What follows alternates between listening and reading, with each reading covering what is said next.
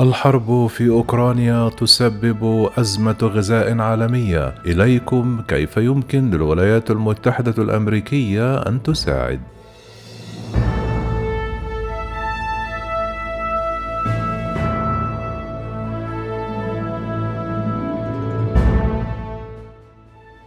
حتى قبل أن تشن روسيا غزوا واسع النطاق لأوكرانيا كان عام 2022 في طريقه ليكون أحد أعلى أسعار المواد الغذائية ونقص الغذاء والجوع الشديد في أجزاء كثيرة من بقاع الأرض.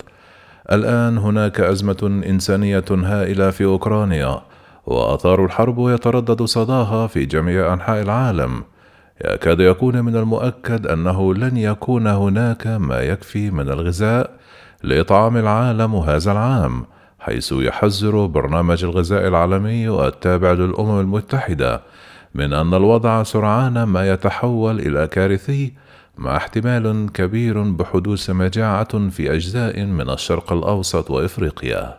كانت روسيا وأوكرانيا مصدرين رئيسيين للقمح والذرة والشعير وبذور عباد الشمس وغيرهما، وورد البلدان نحو 30% من تجارة القمح العالمية، لا يمكن تعويض خسارة بعض هذه المحاصيل بين عشية وضحاها، لأن زراعة وحصاد الحبوب تستغرق شهورا من نواح كثيرة، فإن تصحيح هذا الوضع أصعب من تصحيح أزمة إمدادات النفط.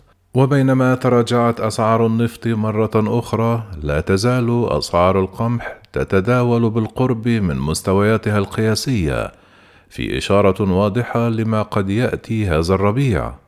تعد روسيا أيضا واحدة من أكبر منتجي الأسمدة في العالم، مما سيؤدي إلى ارتفاع أسعار جميع المحاصيل تقريبا في الأشهر المقبلة. ستشهد الدول الغنية مثل الولايات المتحدة وأستراليا ومعظم دول الاتحاد الأوروبي ارتفاعا في أسعار المواد الغذائية مما يجهد الأسر ذات الدخل المنخفض التي ذكرت بالفعل أنها تكافح مع التضخم، لكن على الأقل ستظل هناك منتجات على الأرفف في ممرات الخبز والحبوب.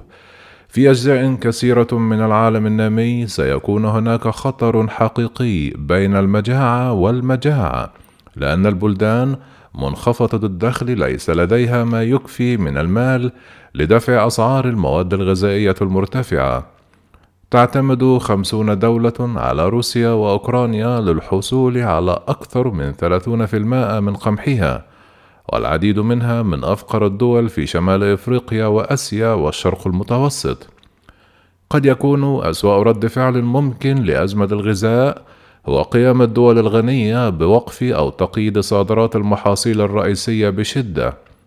من المغري في الأوقات الصعبة الاحتفاظ بجميع الإمدادات المتاحة، لكن هذا يؤدي إلى تفاقم الجوع في الدول النامية.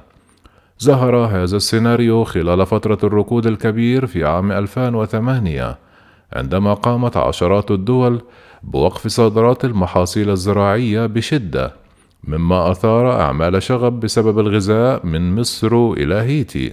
وحظرت مصر بالفعل صادرات القمح والدقيق والفول في غضون ذلك. كانت الصين تجتذب بهدوء الإمدادات من السوق العالمية. تتمثل الطريقة الأفضل التي يمكن للولايات المتحدة وحلفائها اتباعها في زيادة المساعدات المالية لبرنامج الغذاء العالمي والمبادرات المماثلة.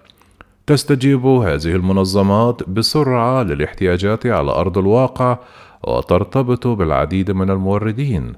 سيكون من المفيد أيضا أن تنهي الولايات المتحدة معيار الوقود المتجدد أو تتنازل عنه مؤقتا على الأقل خلال أزمة الغذاء هذه لأن هذا يحول كميات كبيرة من الذرة والرفيعة والشعير الأمريكية لإنتاج الاثينول لا يمكن حل أزمة الغذاء العالمية بين عشية وضحاها ولكن يمكن للدول الغنية أن تفعل الكثير لمنع انتشار الجوع وعدم الاستقرار الذي يولده.